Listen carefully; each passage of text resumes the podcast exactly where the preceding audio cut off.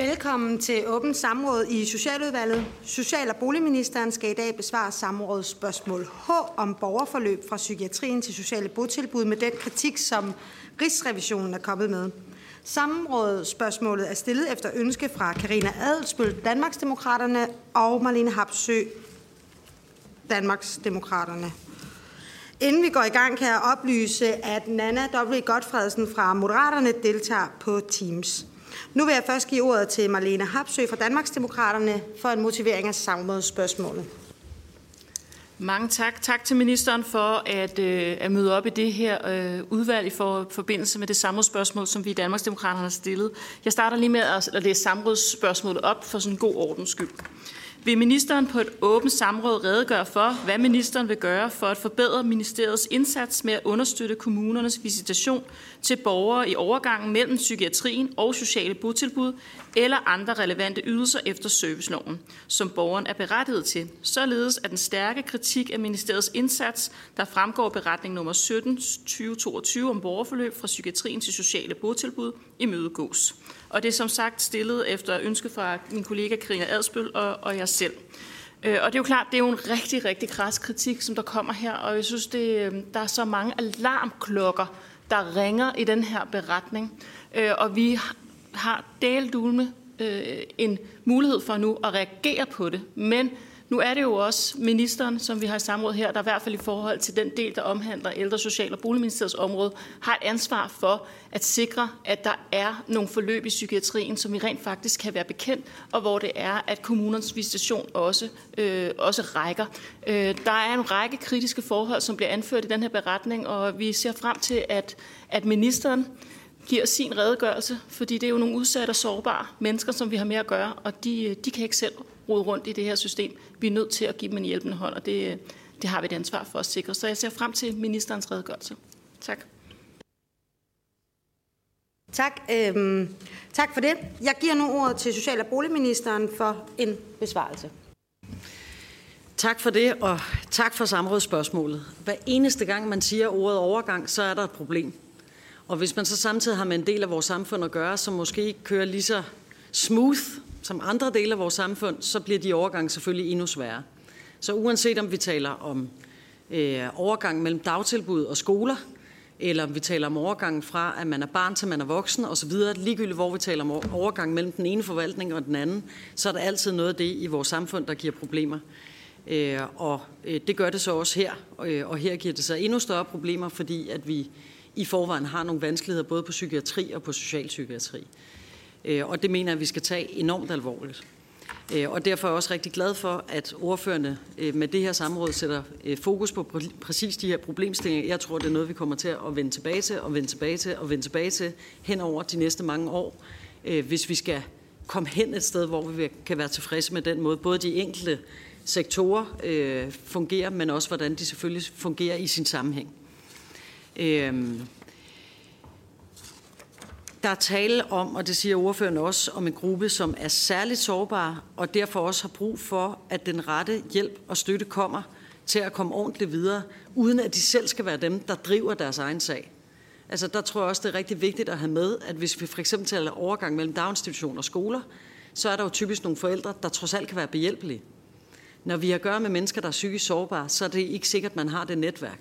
Og det vil sige, der står man med den selv, Øh, og derfor skal vi være ekstra opmærksomme selvfølgelig, når vi har at gøre med mennesker, som øh, ikke nødvendigvis selv kan være dem, der, der tager sig af deres sag øh, og kan tage sig af de problematikker, der opstår. Og derfor er det helt afgørende, at vi som samfund griber, når man for eksempel udskrives fra psykiatrien. Der oplever mange at stå alene. Det har jeg hørt utrolig mange borgere fortælle om, altså fornemmelsen af at stå alene efter et, et, et ophold i psykiatrien. Øh, og også at de præcis oplever det her med, at de skal være bærere af deres egen sag på et tidspunkt, hvor de ikke har kræfterne til det. Øh, de har efter min mening ret til at opleve et koordineret og, og sammenhængende forløb. Øh, og derfor er det heller ikke godt nok, når det er Rigsrevisionen overordnet konkluderer, at myndighedernes indsats for at sikre lige præcis sammenhængende forløb fra psykiatrien til botilbud, at det er utilfredsstillende.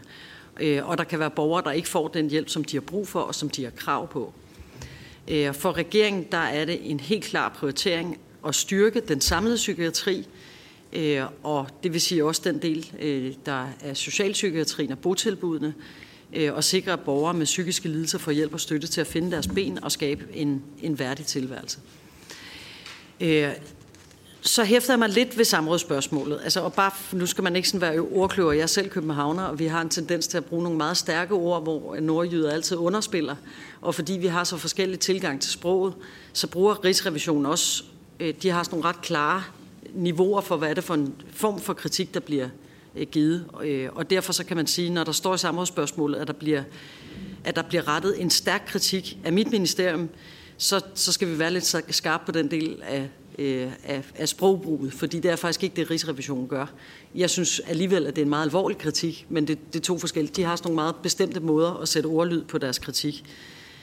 Øhm, og så synes jeg måske også, at det er vigtigt at sige, fordi det er jo noget af det, der er problemet, at ansvaret er fordelt flere forskellige steder, og det er præcis, når de forskellige instanser skal arbejde sammen, at der er et problem. Og derfor er det vigtigt også for mig at sætte lys på, at det er regionernes ansvar at lave øh, Øh, udskrivningsaftaler, og kommunerne er så ansvarlige for at visitere borgerne til egnet sociale tilbud.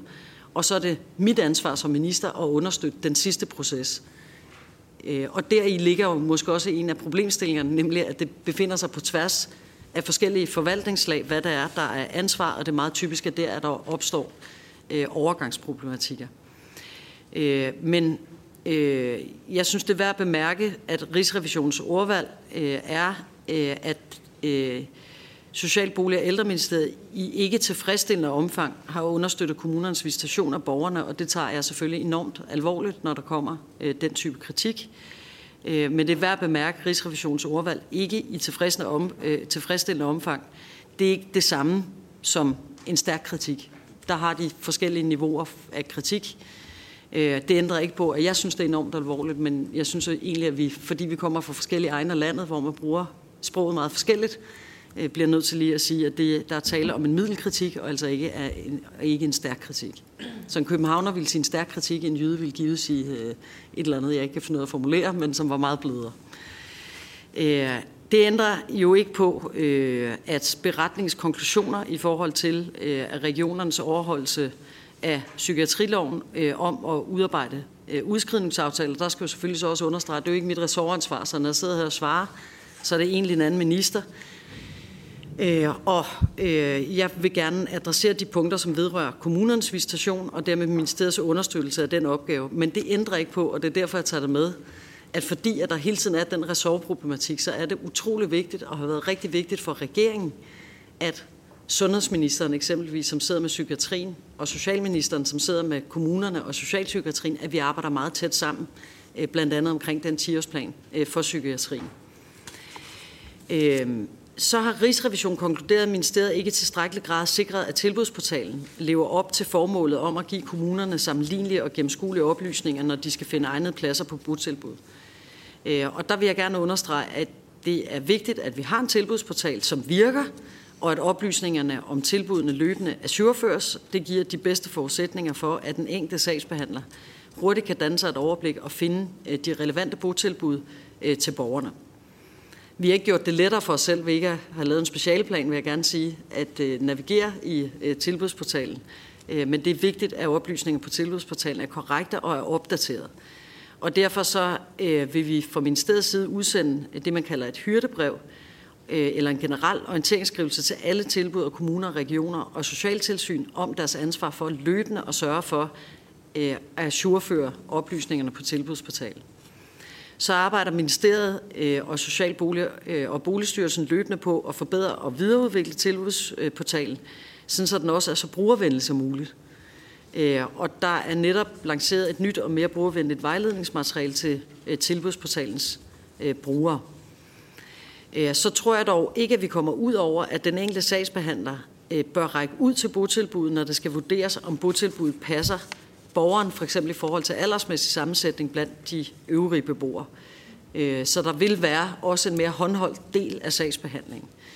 Øh, og også vigtigt at understrege, at det sammenhængende borgerforløb fra psykiatri til sociale tilbud handler om andet og mere, end om alle tilbud har opdateret oplysninger om ledige pladser. Men øh, tilbudsportalen er alt andet lige en krumtap i forhold til at få lavet et ordentligt match. Sammenhængende forløb for borgeren handler først og fremmest om ordentlig koordination. Det handler om koordination og kommunikation mellem de aktører, som skal hjælpe og støtte borgeren i overgang fra behandlingspsykiatri til sociale indsatser i kommunerne. Og derfor har myndighederne også allerede i dag en klar forpligtelse til at sikre den overgang. Øh, regionerne skal udarbejde udskrivningsaftaler eller koordinationsplaner for borgere, som allerede får eller som forventes at få brug for kommunale indsatser efter udskrivning. Udskrivningsaftalen eller koordinationsplanen skal sikre en bedre koordination og klare aftaler mellem den regionale psykiatri og socialpsykiatrien, og dermed bidrage til, at den enkelte borger modtager en sammenhængende indsats på tværs af kommune og region. Jeg hæfter mig ved, at Rigsrevisionen kritiserer, at kommunerne ikke i tilstrækkelig omfang har visiteret udskrevne borgere med psykiske lidelser til et botilbud, som er godkendt til at håndtere borgerens behov. Øh, og jeg vil gerne slå fast, at det er helt utvetydigt kommunernes opgave at visitere borgeren til det rette tilbud, uanset om det er et botilbud eller om det er en anden form for støtte.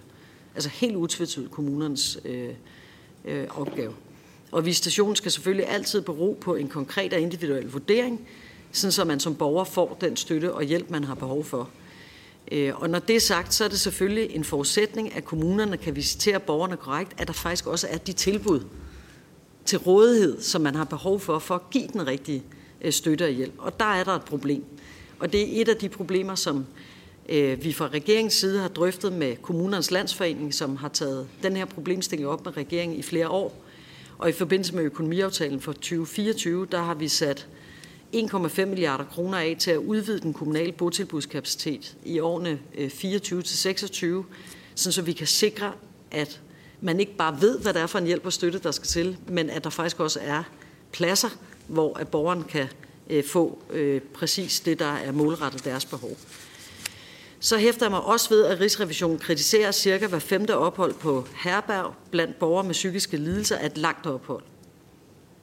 Jeg er fuldstændig enig med Rigsrevisionen i forhold til det. Altså et ophold på et herberg må og skal være midlertidigt.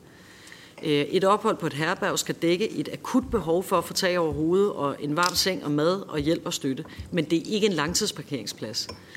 Øh, og derfor er jeg også utrolig glad for den grundlæggende omlægning af hjemløseindsatsen med øh, vægt på Housing First, som netop er trådt i kraft her 1. oktober 2023. Det mener jeg sådan set er det rigtige svar på den kritik. Vi har præciseret med den omlægning, at herberger alene er akut og midlertidigt, og så skal der altså findes en varig boløsning for borgerne på herberger. Øh, og samtidig sikrer vi en refusionsomlægning, øh, at, det, at der er de rigtige incitamenter for kommunerne til hurtigt at hjælpe borgeren med at få en egen bolig og få den rigtige støtte og hjælp i forbindelse med den bolig.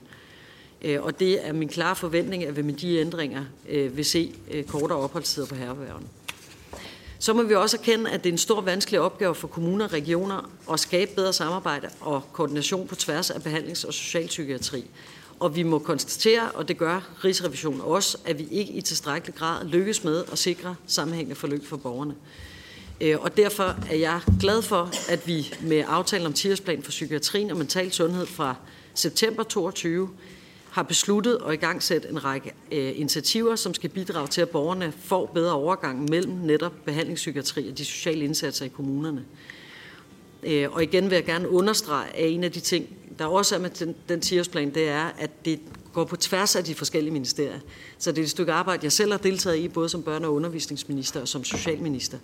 Øh, så selve det, at man går på tværs af forvaltninger, mener jeg er afgørende. Og initiativerne spænder sig også fra afklaringspladser, øh, en ny social mentorordning for borgere, der bliver udskrevet fra den regionale psykiatri, øh, og så over til udbredelse af arbejdet med regionale botilbudsteams, Øh, og med de initiativer, der understøtter vi både kommuner og regioner i deres arbejde med at afhjælpe overgangene fra behandlingspsykiatri til kommunale indsatser.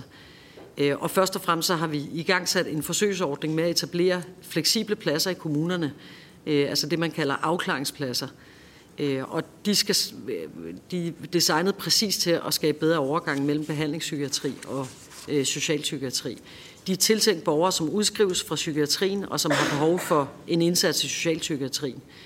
Øh, og det vil sige, at de skal sikre de pladser, at borgerne kan få tilbud øh, med den relevante socialfaglige støtte i forlængelse af, at de har været indlagt, samtidig med, at der sker en afklaring af øh, borgerens videre forløb. Øh, jeg er rigtig glad for, at der er afgivet tilsavn til tre spændende projekter, og jeg ser frem til at følge de resultater, der er med det. Jeg venter mig øh, rigtig meget af det. Øh, og så er vi jo blevet enige om at afsætte 57,8 millioner kroner i 24 og 59 millioner i 25 øh, og frem til udbredelse øh, og drift af de regionale botilbudsteams for netop at skabe bedre overgang mellem, mellem behandlingspsykiatrien og botilbud.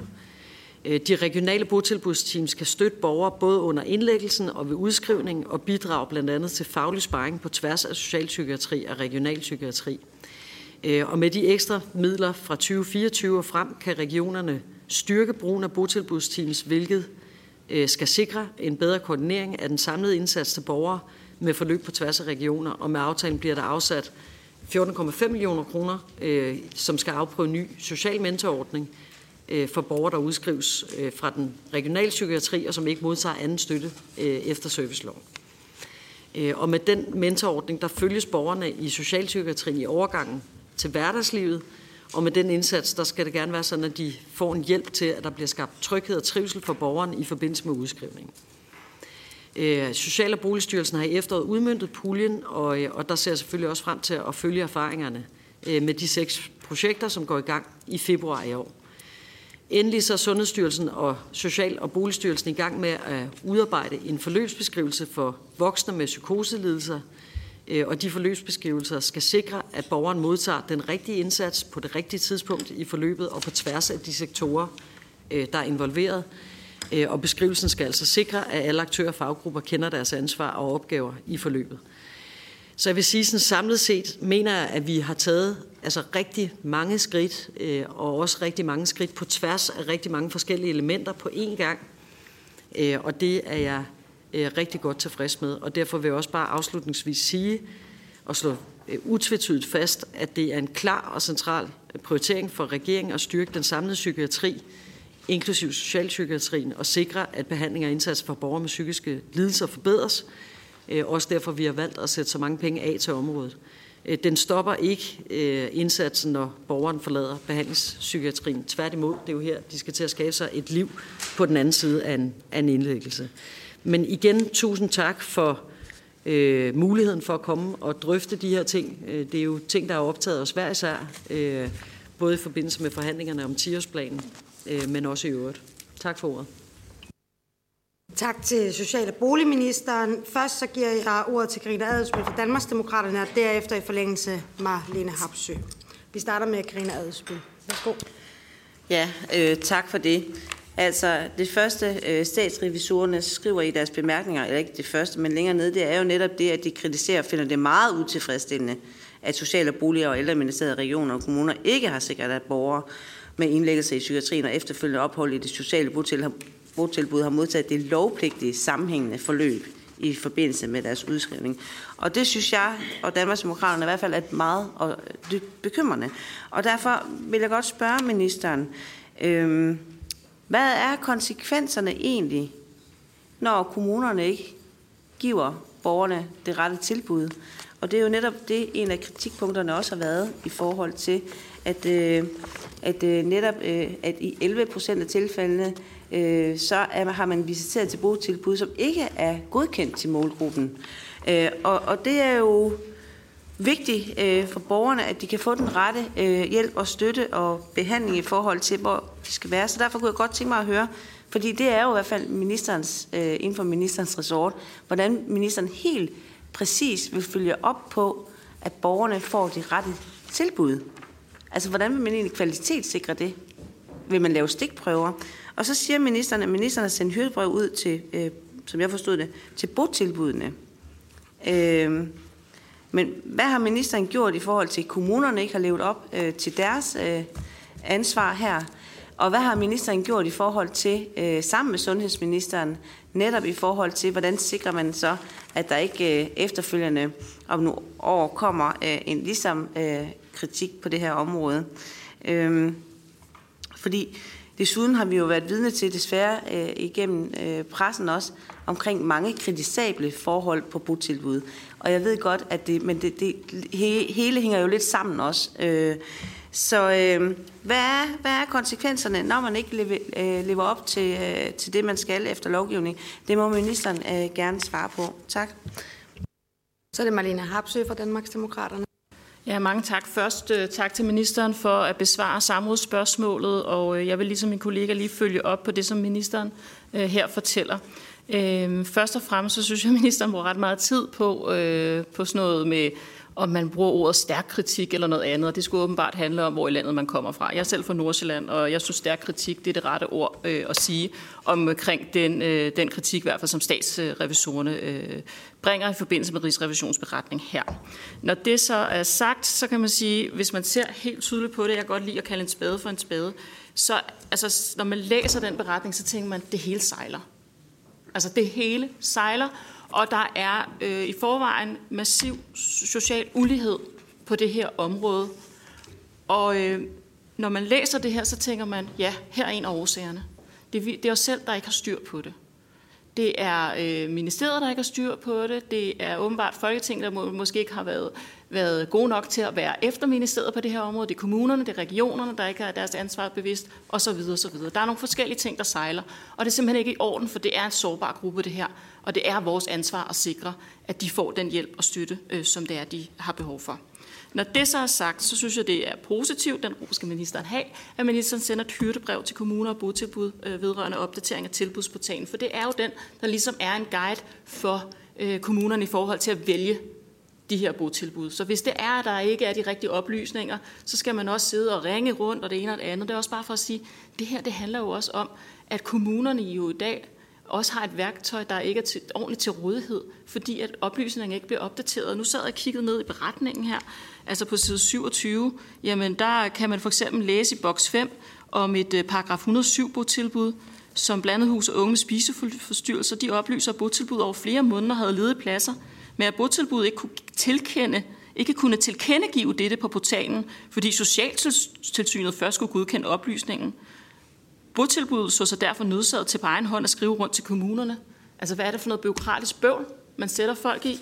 Altså, på side 28, øh, der er man også inde på, jamen, at der er simpelthen så mange sagsbehandlere, der er nej, halvdelen af sagsbehandlerne er uenige eller meget uenige i, at tilbudsportalens oplysninger er opdateret korrekte. Og 41 procent af sagsbehandlerne er uenige eller meget uenige i, at tilbudsportalen indeholder relevante og tilstrækkelige oplysninger. Hvad er det for en situation, som det er? Og det er ministeriet, der har det overordnede ansvar for at sikre, at, at det her det er opdateret.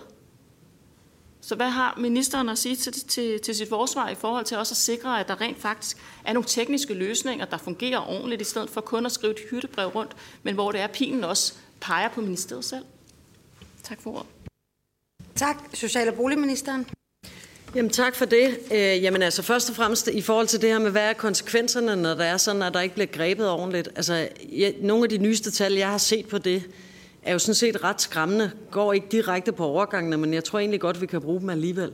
Hvis en borger får et botilbud, hvor der ikke er uddannet personale for eksempel, så er der cirka 70 procent ekstra indlæggelser i psykiatrien. Øh, og hvis man kommer ind på et botilbud, hvor at det er de forkerte medarbejdere, altså det er et tilbud, der ikke er skræddersyet til så vil jeg da tro, det er nogenlunde er det samme.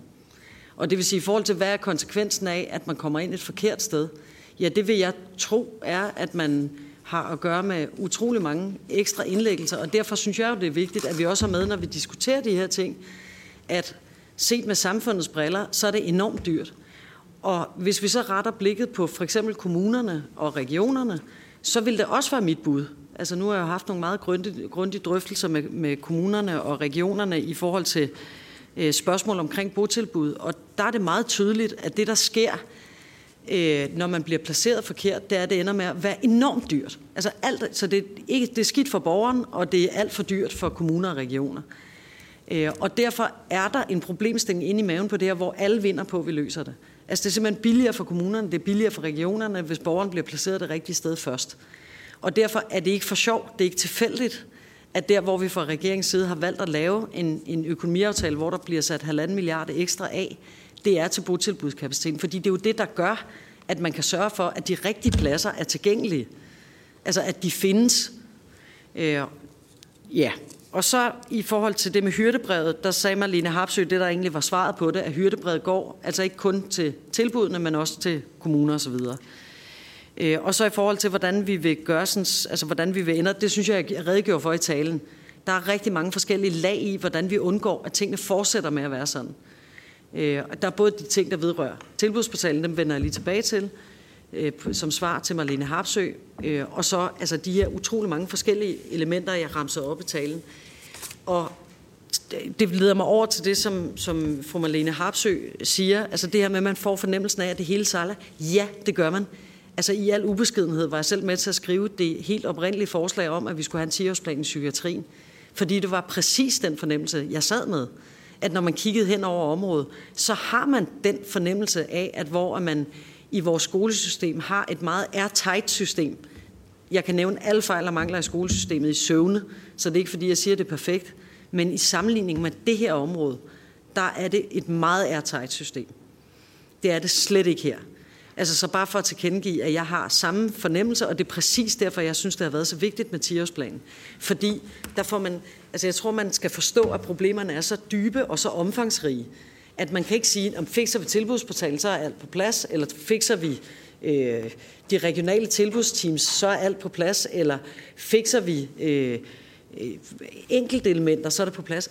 Altså udfordringen, udfordringerne er efter min mening så store og så dybe, at vi bliver nødt til at gøre rigtig mange forskellige ting på én gang, og så i øvrigt også disponere et voldsomt stort beløb for at få styr på det.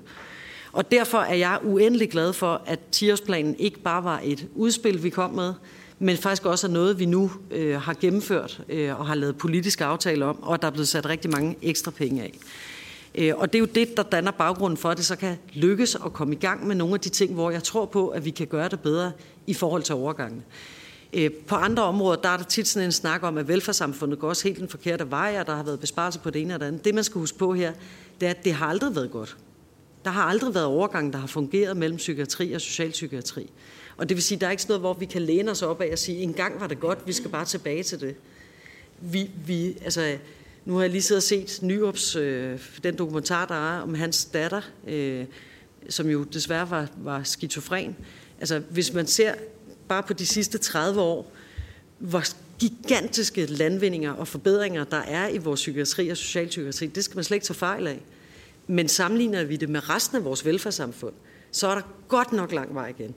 Altså fordi standarden i vores øh, somatiske sundhedssystem er meget bedre, standarden i vores skolesystem er meget bedre, sammenhængende i overgangene er meget bedre, end når vi taler herover.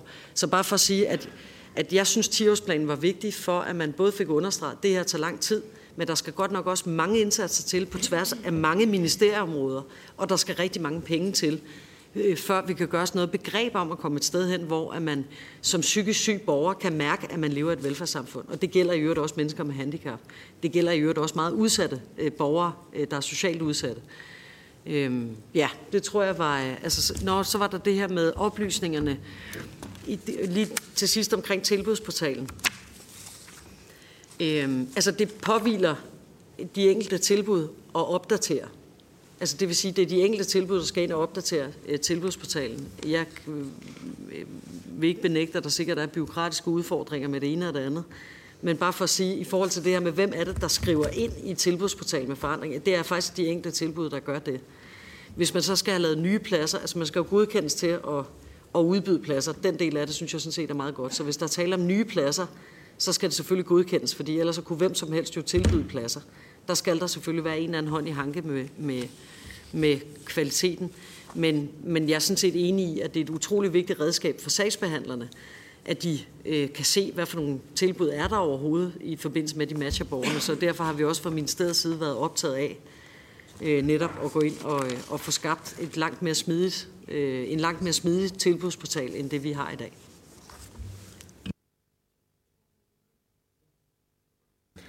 Tak for det. Så er det Katrine Daggaard fra Liberal Alliance.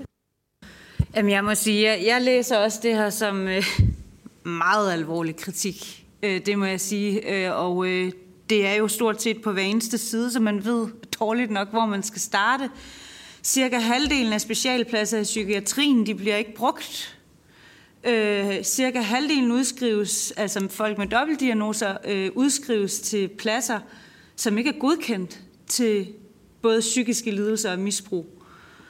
Øh, vi har problemer med tilbudsportalen, som vi lige har været inde på, øhm, og øh, der er noget af det jo også, at, at det åbenbart går for lang tid inden for ministeriet om at godkende de ting, der bliver udfyldt derinde.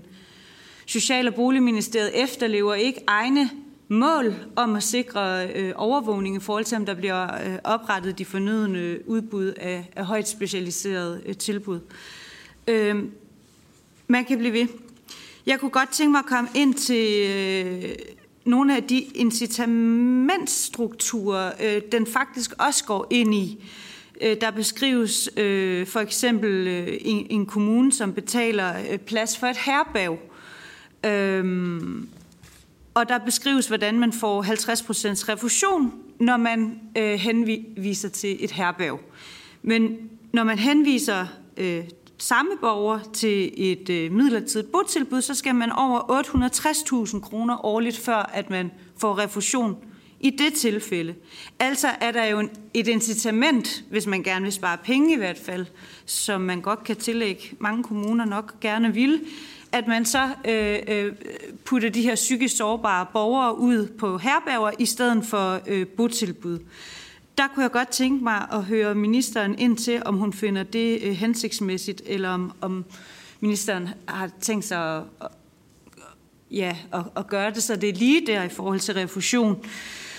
Øh, fordi det er jo et stort problem, når vi så samtidig kan se, at de borgere, der er på herberger, øh, er der i langvarige ophold, som ministeren også selv var inde på, at det vil sige minimum 90 dage, for at man kan kalde det et langvarigt ophold. Øh, Øh, og det er endda, hvor 68 procent af de herberger, man, de visiteres til, ikke engang er godkendt til målgruppen med psykiske lidelser. Øh, altså synes jeg, det er et stort problem, at man ikke øh, gør brug af botilbudene i stedet for. Øh, samtidig så kan vi også se, at kommunerne gør øh, meget mere brug af det, der hedder botilbudslignende tilbud. Øhm, og her har vi jo også at gøre med nogle incitamentstrukturer i det, at, at øh, hvis man propper borgere derover, så kan man undgå øh, anlægslo- eller øh, det kommunale anlægsloft, øh, eller hedder det serviceloft, i hvert fald et af lofterne der, så kommer man ligesom over i, øh, altså botilbudslignende tilbud, de ligger over i almensboligloven, som ikke er omfattet af anlægsloftet. Øh, så, så de her incitamentstrukturer til at foretage de fagligt forkerte valg, har ministeren tænkt sig at gøre noget ved det? Tak, så er det Karina Adelsbøl. Ja, og det er også lidt i opfølgende til det, øh, fordi øh, det jeg mente med mit øh, spørgsmål tidligere, det er jo for eksempel, som der også blev sagt her, at for eksempel øh, borgere med psykiske lidelser og samtidig misbrug i 52 ud af 91 tilfælde visiteret til et botilbud, som ikke er godkendt til at håndtere både psykiske lidelser og misbrug. Og derfor, det jeg søger, det er, hvordan sikrer vi nu fremadrettet, at det kommer til at ske? Og hvordan sikrer vi, at borgerne får de rette tilbud? Og jeg kunne godt tænke mig at høre ministeren, hvordan i ministeriet vil sikre det. Netop i forhold til, er der et eller andet værktøj i ministeriet, man kan anvende for at sikre det her?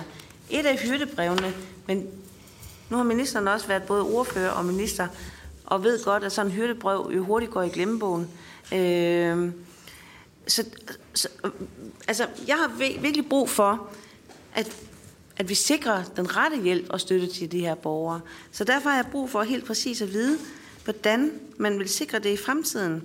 Men også i forhold til, hvordan ministeren vil øh, for, altså forestille sig, at vi kan hæve kvaliteten på landets øh, bosteder. Er der behov for nationale kvalitetsstandarder? Altså, hvad tænker ministeren omkring det?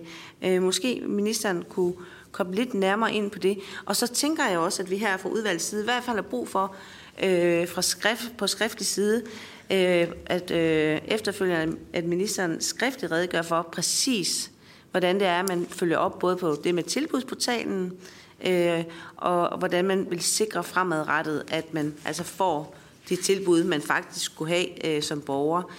Men noget, jeg egentlig også godt vil stille af spørgsmål øh, til ministeren, for noget, der bekymrer mig, det er jo igen, at så har vi jo sundhedsområdet, og så har vi jo socialområdet, og det er jo igen, at borgerne falder mellem to stole.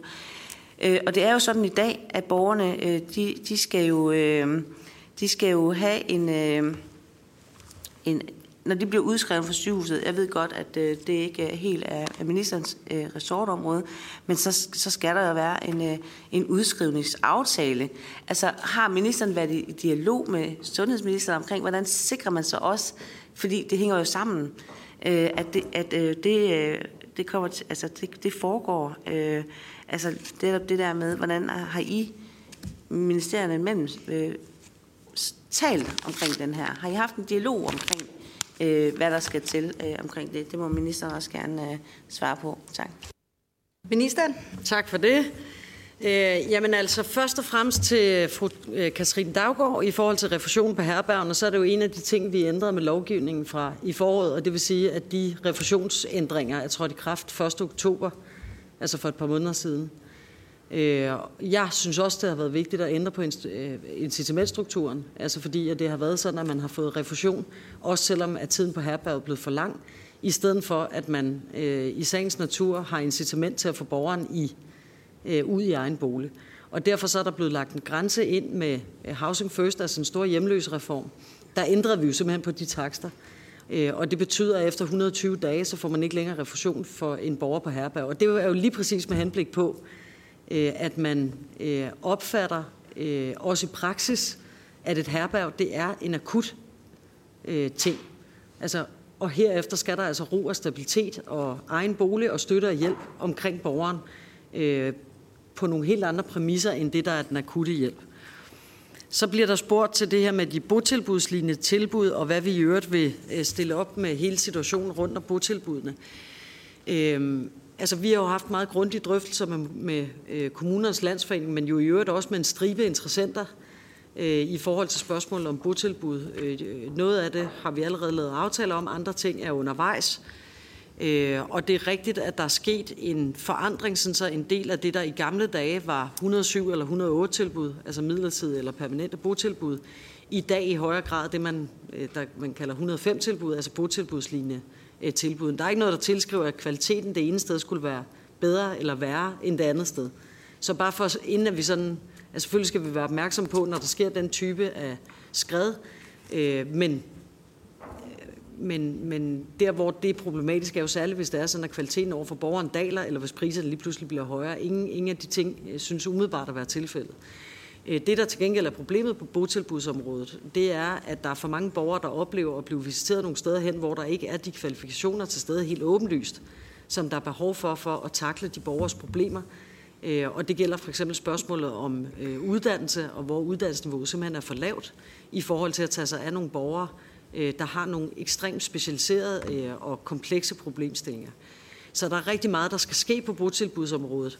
Øh, og jeg har selv dykket ret meget ned i spørgsmålet om det her med de botilbudslignende tilbud over for 108 og 107 tilbudene. Og det skal vi selvfølgelig være opmærksom på. Øh, og det er rigtigt, at man øh, squeezer på økonomien i forhold til, at øh, hvis det er et 107 eller 108 tilbud, så skal kommunen stå for økonomien, mens det andet det går ind under almen lovgivning. Så der er nogle forskel på, hvordan man bygger de, de forskellige ting.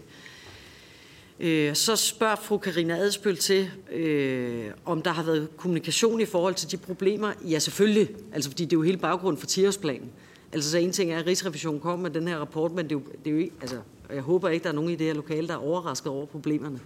Altså jeg er det i hvert fald ikke, vil jeg sige, fordi ja, det er jo hele baggrunden for, at vi har kommet med et forslag om 10-årsplan, er jo, at der er de problemer, som Rigsrevisionen skriver om. Så bare for at sige, at jeg er ikke overrasket over de problemer. Regeringen er ikke overrasket over det. Det er problemer, vi har kendt til. Øh, nu har vi fået noget opdateret talværk på det, men altså, der er vel ikke nogen i det her lokale, der vil påstå, at overgangene har været fantastiske indtil for et år siden, hvor Rigsrevisionen opdager, at nu er der sket et eller andet helt vandt. Det har jo aldrig fungeret. Og det vil sige, at vi har jo haft et ønske om at sørge for, at vi tager fat om de her problemer med den tyngde, der ligger i, at et antal ministerier gør det samtidigt. Altså at man både har Sundhedsministeriet, Undervisningsministeriet, Socialministeriet, Beskæftigelsesministeriet osv. inde ved bordet, fordi at man på hver sin måde har en rolle at spille i at få øh, styrket det her område. Så i forhold til, hvilke nogle værktøjer vi vil bruge i forhold til at undgå, at det er sådan her i fremtiden. Øh, jeg vil heller ikke synes, at et hyrdebrev kunne stå alene. Altså, hvis jeg synes det, så ville det være ret, ret tåbeligt at sætte et milliardbeløb af fra regeringens side. Og hvis man synes, at et hyrdebrev var nok, ville det også være ret tåbeligt at vedtage en 10-årsplan i psykiatrien.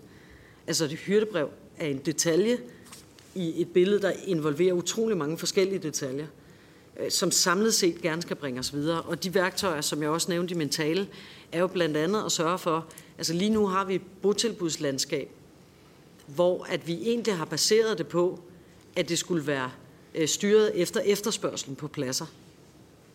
Men virkeligheden er, at, at altså min analyse af det er, at botilbudsområdet er styret af udbuddet. Og det giver jo nogle rigtig store problemer på kvaliteten, fordi den borger, der efterspørger en plads, hvor der er nogle bestemte kvalifikationer til stede, kan så ikke være sikker på, at den er der. Øh, og derfor er der alt for ofte et mismatch mellem det, som borgeren har brug for, altså efterspørgsel, fordi at det er endt med at være udbudsstyret. Og det betyder både, at priserne er blevet alt, alt, alt, alt for høje. Der er ikke sammenhæng mellem pris og kvalitet. Så borgeren får ikke det ud af det, det koster, fordi det er simpelthen det forkerte tilbud. Så der er nogle rigtig store vanskeligheder, og et af vores svar fra regeringens side på det er jo at sætte de her land milliarder kroner af. Så et af værktøjerne er et hyrdebrev. Et af værktøjerne er at sige, at vi skal have nogle penge sat af til, at der kommer en, et større sammenfald mellem udbud og efterspørgsel på området, end det, der er tilfældet i dag. Så er det de forandringer på tilbudsportalen, jeg nævnte om. Det er jo også et værktøj at gå ind og sige, at noget af det, der går galt omkring matchning, er, at der eksempelvis ikke er opdaterede oplysninger. At sagsbehandlerne ikke kan gennemskue, hvor finder jeg den plads, der er gavnlig for den her øh, patient, der har præcis de her problemstillinger. Så mener jeg jo også, at det er et redskab omkring Housing First og, de ting, som også er fru Katrine Daggaards øh, indspark. Jeg mener, det er helt rigtigt, at man skal ind og se på de incitamentstrukturer, der ligger. Det er jeg også selv meget optaget af. Det er sjældent noget, der giver tv-aviser, men man skal slet ikke tage fejl af, at det at ændre på en refusionssats, det kan ændre væsentligt mere, end det man kan komme tv-avisen med. Og derfor er det rigtigt, altså øh, follow the money, øh, så kan man godt finde ud af, hvor nogle af problemstillingerne ligger. Ikke? Øh, så mener jeg også, det er et redskab at gå ind og lave afklaringspladser. Derfor vi har sat det i søen øh, og sat penge af til det. Sociale mentorordninger har jeg også en forventning øh, om kommer til at betyde noget i forhold til overgangene. Og så botilbudsteamsene. Så bare for at sige, øh, jeg mener, at værktøjerne skal være rigtig mange. Ellers så mener jeg, at man har en forfladet til at høre i virkeligheden også ordføreren sige, at, at der skal mange forskellige ting til. Det tror jeg på, at der skal. Og derfor er der ikke et redskab, der kan løse det her. Og vi vil selvfølgelig på det, der så ligger på mit ressort, gøre det, der skal til for, at tingene bliver rettet op. Øh, det har jeg også en forventning om, de andre parter i det vil. Altså, jeg hører egentlig, at de forskellige parter har et meget stort ønske om, at vi kan gøre det her bedre. Øh, Øh, og derfor jo også bred politisk opbakning bag en 10-årsplan, altså som jo baserer sig på et grundigt, grundigt fagligt oplæg øh, fra dem, der arbejder i felten. Øh, bred politisk opbakning til det, men jo også et godt samarbejde med både kommuner og regioner i forhold til at prøve at løse nogle af de her problemer. Men det er tunge, strukturelle problemer, som jeg synes, vi skal blive ved med at insistere på at komme videre med. Tak. Så er det Marlene Hapsø fra Danmarksdemokraterne. Ja, tak til ministeren for de svar, som det er, hun, øh, hun kommer med. Øh, ministeren siger gentagende gange øh, og nævner de her 1,5 milliarder kroner, som der er sat af til flere sociale botilbud. Og det er jo rigtig positivt, fordi det mangler der virkelig, men et botilbud er jo ikke bare et botilbud. Der er forskellige målgrupper, som ministeren også er inde på. Så i forhold til de 1,5 milliarder kroner, hvor meget går så til botilbud for mennesker med, med, med de her svære og komplekse psykiske lidelser? Altså, hvor mange botilbudspladser kommer der reelt ud af de her 1,5 milliarder kroner, som der jo er mange målgrupper, som jo selvfølgelig skal deles, øh, skal deles øh, om. Og hvordan følger ministeriet op på, at kommunerne så opretter det fornødne udbud af højt specialiserede sociale tilbud til borgere med psykiske lidelser. Det synes jeg også er et rigtig vigtigt øh, spørgsmål øh, at kunne få svar på. Så er der i forhold til tilbudsportalen, øhm, og øh, jeg er lidt i tvivl om, øh, om ministeren sådan egentlig helt øh, øh, er opmærksom på det, så nu siger jeg det lige. Øh, fordi at en ting er, at det er, kommun, eller det er de sociale botilbud, der skal sidde og opdatere med oplysninger men de render altså ind i noget teknisk bøvl. Og det fremgår også på, øh, på side 28 i beretningen, hvor der står, at undersøgelsen viser, at en væsentlig årsag til utilfredshed hos brugerne er, at den tekniske opsætning af tilbudsportalen gør, at ikke godkendte indberetninger blokerer for nye indberetninger. Hvordan, jeg er ikke IT-ekspert, så, men jeg, jeg kan bare se, at der er noget i forhold til opsætningen rent IT-mæssigt, som er et problem, og som, hvor det er, de sidder ude i de sociale botilbud og gerne vil opdatere, have ordentlige oplysninger, rigtige oplysninger, men simpelthen ikke kan få det opdateret. Og der er det jo ministeriet, der har et ansvar for at sikre, at det, teknikken også er i orden. Øh, så det, lige, det, øh, det flag vil jeg gerne, øh, vil jeg gerne lige, lige hejse her. Så er det også i forhold til... så er det også i forhold til den sidste ting, jeg lige vil spørge ind til, og det handlede omkring de her stikprøvekontroller, som ministeriet jo sådan set jo skal, skal udføre i forhold til tilbudsportalen. Og som jeg sådan lige øh, kan læse mig frem til det på side 26 i beretningen, jamen så er der jo mangler i forhold til de her stikprøvekontroller. Øh, der er jo blandt andet ikke blevet kontrolleret oplysninger, der vedrører tilbudenes, tilbudenes målsætninger, metoder, årsrapporter, målgrupper, faggrupper, pladser med videre. Altså, er, er, er det godt nok? Eller har ministeriet en, en ambition om, at man skal gøre de her stikprøvekontroller endnu bedre, så vi rent faktisk sikrer, at de oplysninger, der er i tilbudsportalen, de er korrekte, at de er opdateret, at øh, sagsbehandlerne sidder derude med ordentlige oplysninger, som de rent faktisk kan bruge til at matche den rigtige borger til det rigtige tilbud. Fordi som ministeren også var inde på, og det var jeg rigtig, rigtig glad for, altså det er jo billigere og bedre for borgeren, hvis det er, at man rent faktisk rammer plet første gang, i stedet for, at man skal ind altså støde hovedet ind mod en mur, fordi man kommer ind i det ene tilbud efter det andet, som ikke er, som ikke er det rigtige. Så det er Katrine Daggaard fra Liberal Alliance. Jamen, det var faktisk lige præcis også øh, det, jeg gerne vil ind i, det er, at det jo er billigere og bedre at gøre det rigtige fra starten af. Og vi kan jo se på mange af de her øh, øh, mennesker her, som ryger ind og ud af psykiatrien, tilbage i, på herberger og så videre, at de jo netop ikke hjælpes godt nok. Indlæggelserne er korte. Det kritiseres her i rapporten, at det er en af grundene til, at man ikke får lavet øh, de her udskrivningsaftaler, fordi de er indlagt så kort tid, at man, man kan simpelthen ikke nå det. Øh, og når man så endda også udskriver dem til herberger øh, eller botilbud, som ikke engang matcher øh, den hjælp, de skal have, så siger det da sig selv, at de står der igen kort tid efter. Øhm, og det er Emma væk øh, for dyrene. Og, øh, derfor kan jeg godt forstå, at det bliver ved med at stige og stige og stige, vi bruger flere og flere penge. Fordi vi hjælper dem jo ikke ordentligt på den her måde. Øhm, hvad vil ministeren gøre for at afhjælpe den her problematik? Øh, hvad vil ministeren gøre for at få ordentlig kvalitet ind øh, så man ikke ryger rundt frem og tilbage hele tiden, og, og øh, men i det hele taget på det specialiserede socialområde står over for kommuner, øh, hvor det er en kamp at få det, man er berettiget til. Tak, og så tager vi lige, øh, så vi også når det, Karina Adelsbøl fra Danmarks Demokrater. Jamen tak. Øh, jamen altså, det er jo rigtig godt med alle de her værktøjer, minister, og, og vi er også øh, med i omkring psykiatri og alle de her ting. Men, men ministeren ved jo også, at vi kan sagtens lave alle mulige ting herinde fra Christiansborg. Lave lovgivning, og vi kan lave øh, aftaler. Min bekymring er, hvordan følger man op på, at det virker? Altså, hvordan får vi en kvalitetssikring af, at det sådan set også har effekt? Altså, at det har en effekt af det, vi laver.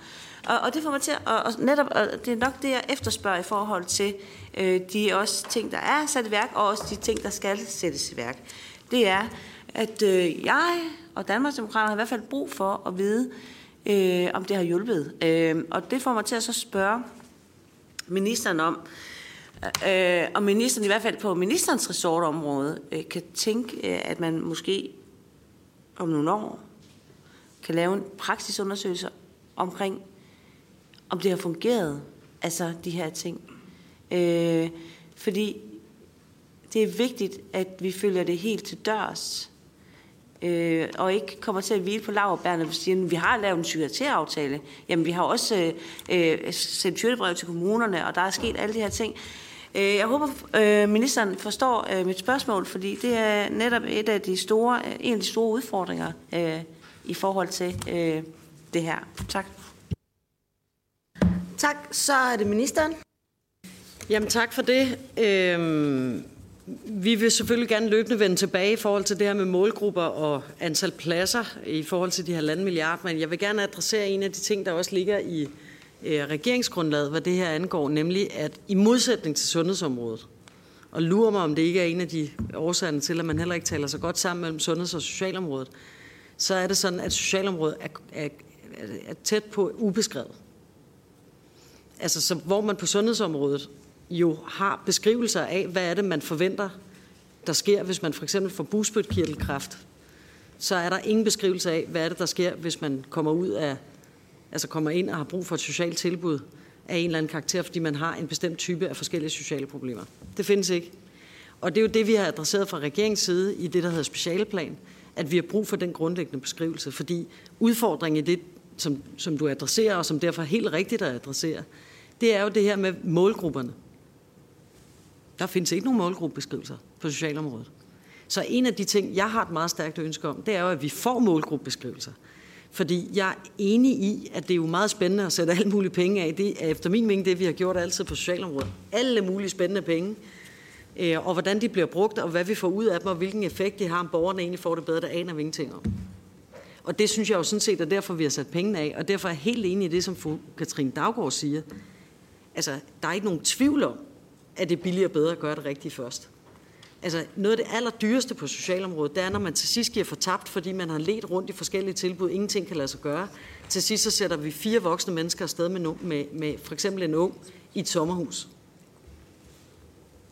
Der, jeg ved ikke, øh, altså, der skal nok være en enkelt ung, for hvem det er en god idé, men det er jo en desperationshandling, fordi man ikke har kunnet finde det rigtige tilbud, og det koster det vid ud af øjnene. Og lur mig, om det barn ikke havde fået en bedre start på tilværelsen, hvis vi havde gjort det rigtigt fra start af.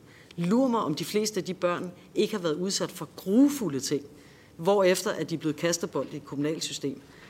Øh, hvis man skulle være i tvivl om det, så kan jeg anbefale, at man læser for eksempel bøger som Kommunebarn og andre, øh, hvor man får en idé om, hvor galt det ender med at gå, fordi man ikke får fat om tingene ordentligt fra start af. Så jeg er helt enig i beskrivelsen, det er bedre at gøre det, det er bedre og billigere at gøre det rigtigt fra start af. Og derfor er der jo sådan en omvendt logik på socialområdet, fordi på skoleområdet, hvis man gerne vil gøre noget bedre, så er det typisk utrolig meget dyrere. Og derfor, når vi diskuterer politik med hinanden, så bliver det meget ofte sådan, at hvis man skal noget, så skal man sætte nogle flere penge af, fordi det er sådan, man gør det bedre. På det her område, der tonser vi penge ud af, altså grundlæggende ud af vinduet. Borgeren får ikke noget ud af det. Altså, jeg har hørt folk sige, hvordan de fastsætter priser på botilbud, hvor at, ja, det er sådan lidt ud fra, hvad de andre tager. Men der er ikke nogen, fordi der ikke er nogen beskrivelse af, hvad, hvad, hvad de skal, så er der jo heller ikke nogen sammenhæng mellem øh, pris og kvalitet. Så jeg mener, at der ligger rigtig meget i præcis det spørgsmål, fru Marlene Harpsø øh, adresserer. Altså, hvad er det egentlig, vi får ud af de, de halvanden milliarder? Det vi i hvert fald får ud af det, det er jo flere botilbudspladser. Og de mangler. Men vi har ikke nogen målgruppebeskrivelse. Vi vil dog gerne sende over efterhånden, som vi ved, hvad er det for typer af botilbud, der bliver oprettet, og antal pladser. Øhm, så øh, er jeg heller ikke IT-kyndig. Øh, men jeg vil selvfølgelig gerne følge op på spørgsmålet, og vi kan sende noget over på skrift i forhold til det konkrete spørgsmål. Øh, og jeg er enig i, at selvfølgelig skal de forskellige øh, digitale forhindringer, der er, det skal vi jo kunne gøre bedre. Altså, så det er rigtig godt også, at Rigsrevisionen lægger vægt på nogle af de ting, som er meget konkrete forhindringer, og kommer med nogle af de kon- konkrete øh, eksempler. Så er der spørgsmålet, billigere bedre at gøre det rigtigt fra start. Fru Katrine Daggaard simpelthen så enig. Øhm, og så, bliver, så, spørger, øh, så spørger du til det her med, hvad vil ministeren gøre for at få en ordentlig kvalitet? Jeg har den opfattelse, og regeringen har den opfattelse, at altså i virkeligheden adresserer vi jo tre større reformkomplekser i, reger, i regeringsgrundet. Barnets lov, den gennemførte vi i foråret. Hjemløsreformen var også lavet færdigt på det tidspunkt. Og så to andre store forandringer, øh, vi mener, der skal til, nemlig på øh, udsatte voksne, altså det vi, altså, hvor vi arbejder med den allermest udsatte gruppe af borgere. Øh, det er jo blandt andet nogle af dem, vi taler om her i dag, hvor man typisk har behov, der går på tværs af forvaltninger. Og hvor vi rigtig gerne vil prøve at se tingene, fordi al lovgivning er skrevet med udgangspunkt i, at man kun har brug for én ting ad gangen. Men de grupper af borgere, vi taler om her, har altid brug for flere ting på én gang. Og så er det, der bliver etableret mange overgange, og så er det, det går galt. Og der har vi fra regeringens side et ønske om at ændre på den måde, vi overhovedet går til en borger, som altid har brug for flere forvaltningslag på én gang. Og så det andet, det er på handicapområdet. Altså, og på handicapområdet er der jo overlap til botilbudene. Altså, det deler man jo med, med, med gruppen af de mest udsatte borgere. Øh, så fra regeringens side, der har vi ligesom lagt an til, at det er hjemløse, det er et barnets lov, altså de anbragte børn, øh, så er det hele den gruppe af udsatte, altså misbrug og psykisk syge, øh, som også nogle gange har hjemløshed med sig i bagagen, og så er det handicapområdet. Det bliver de ting, vi kommer til at kigge rigtig alvorligt på, og der, øh, der kommer vi til at bruge mange øh, timer øh, sammen med hinanden øh, i lovbehandling af det. Øhm, så var der øh, fru Karina Adspøl, det her med, hvordan sikrer vi det virker. Det har vi to godt nok drøftet rigtig mange gange med hinanden, fordi det er svært. Jeg har den opfattelse, at en af de største garantier for, at det, der er et politisk ønske om, også bliver til virkelighed, er dyb og grundig og kontinuerlig inddragelse af de mennesker, som skal gennemføre det. Og derfor så er det min opfattelse, at de gange, hvor Christiansborg bare vedtager et eller andet, fordi der havde vi lige flertal til, øh, så kulsejler det. Og det kan have været nok så gode idéer. Noget af det er noget, jeg selv har haft virkelig meget hjerte i. Øh, det kommer aldrig til at virke. Pengene kommer aldrig derhen, hvor man gerne ville. Øh, intentionerne bliver aldrig indfriet. Til gengæld der, hvor at man inddrager de parter, altså både eksperter, de fagpersoner, der arbejder i felten, øh, baserer de beslutninger, vi træffer, på det indspark, man får fra dem, øh, og i øvrigt arbejder sammen på tværs af myndigheder, øh, og efterfølgende også implementerer i samme ånd. Der har jeg en oplevelse af, at tingene kommer til at virke. Der er det forankret på en helt anden måde. Så jeg tror i hvert fald et af svarene på det der med, hvordan er det, vi sikrer, at det virker. Altså udover, at der selvfølgelig skal laves de evalueringer, der skal, og der må sundhedsministeren lige melde tilbage på de konkrete tiltag i 10-årsplanen i forhold til opfølgning, så mener jeg simpelthen også, at der er noget, hvor at vi politisk skal påtage os et meget stort ansvar for, at vi træffer beslutninger på den rigtige måde. Altså at vi sørger for, at parterne er indover. Og det synes jeg faktisk, at 10-årsplanen er et meget godt eksempel på, fordi at det netop baserer sig på, at folk, der arbejder i felten, øh, folk, der selv øh, har psykiske lidelser og andre, har været meget tunge medspillere ind i at få lavet selve fundamentet. Øh, og at kommuner og regioner i øvrigt har været med ind over. Og det vil sige, der, der synes jeg, man kommer et sted hen, hvor sandsynligheden for, at vi ikke sidder med håret i postkassen og har villet alt muligt godt, men at der aldrig forandrer på noget, øh, bliver væsentligt øh, større. Ja, tak. Tak for det. Tiden er gået, men øh, jeg giver lige Karina Adspil fra Danmarksdemokraterne en, øh, det sidste ord for afslut. Tak, øh, og også tak til ministeren kan se, øh, at det er alvorligt det her, øh, og også øh, har nogle værktøjer, og også gerne vil løse det.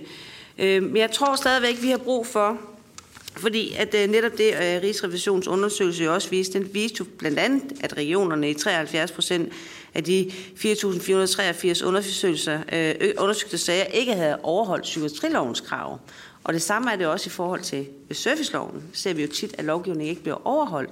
Og der, øh, der spurgte vi lidt i forhold til de konsekvenser, der er. Og det er godt nok mange, hvad det har konsekvenser. Fordi det ved ministeren også, vi kan lave rigtig meget lovgivning herindefra, øh, men hvad så, hvis den ikke bliver overholdt og implementeret efter de intentioner, der var?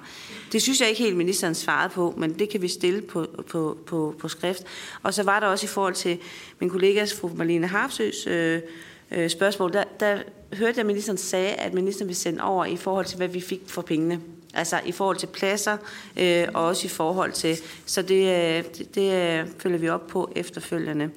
Og så øh, det, jeg godt kunne tænke mig, og det vi godt kunne tænke os, det er i hvert fald at sikre, at vi på en eller anden måde får vidshed om, at det, der også bliver sat i værk, virker. Så derfor øh, kunne jeg godt tænke mig at høre, det kan jeg ikke nu, men i hvert fald afsluttende sige, at det er vigtigt for os at følge op på, enten med en, en undersøgelse, praksisundersøgelse fra Ankestyrelsen i forhold til de værktøjer, der er sat Virker det? Øh, hjælper det borgerne? Får øh, borgerne de rette tilbud? Og det er vigtigt, at vi, når vi nu kan se den her øh, beretning, hvor vi kan se, at så mange borgere ikke får det tilbud, som de sådan set skulle have. Og det betyder, at de får ikke den rette støtte og hjælp. Og vores ønske er, tror jeg faktisk godt, det kan sige på hele socialudvalgsvejene, men det skal man selvfølgelig passe på med, det er selvfølgelig, at det får de. Altså, at de får den rette støtte og hjælp. Og, og derfor er det så vigtigt for os, at, øh, at vi ikke skal sidde her og, om to år, men at vi også har evidens for, at det, der så øh, kommer til at ske, også virker. Så, men i hvert fald tak for et, et godt samråd, som også vil blive opfyldt med øh, nogle følgende, opfølgende spørgsmål øh, fra vores side. Og så ser vi selvfølgelig øh, frem til et, øh, et godt samarbejde på det her område. Tak. Tak for det. Tak til Social- og Boligministeren for besvarelsen af samrådsspørgsmålet. Tak til spørgerne, til udvalgets medlemmer og jer, der så med, og jer, der mødte op.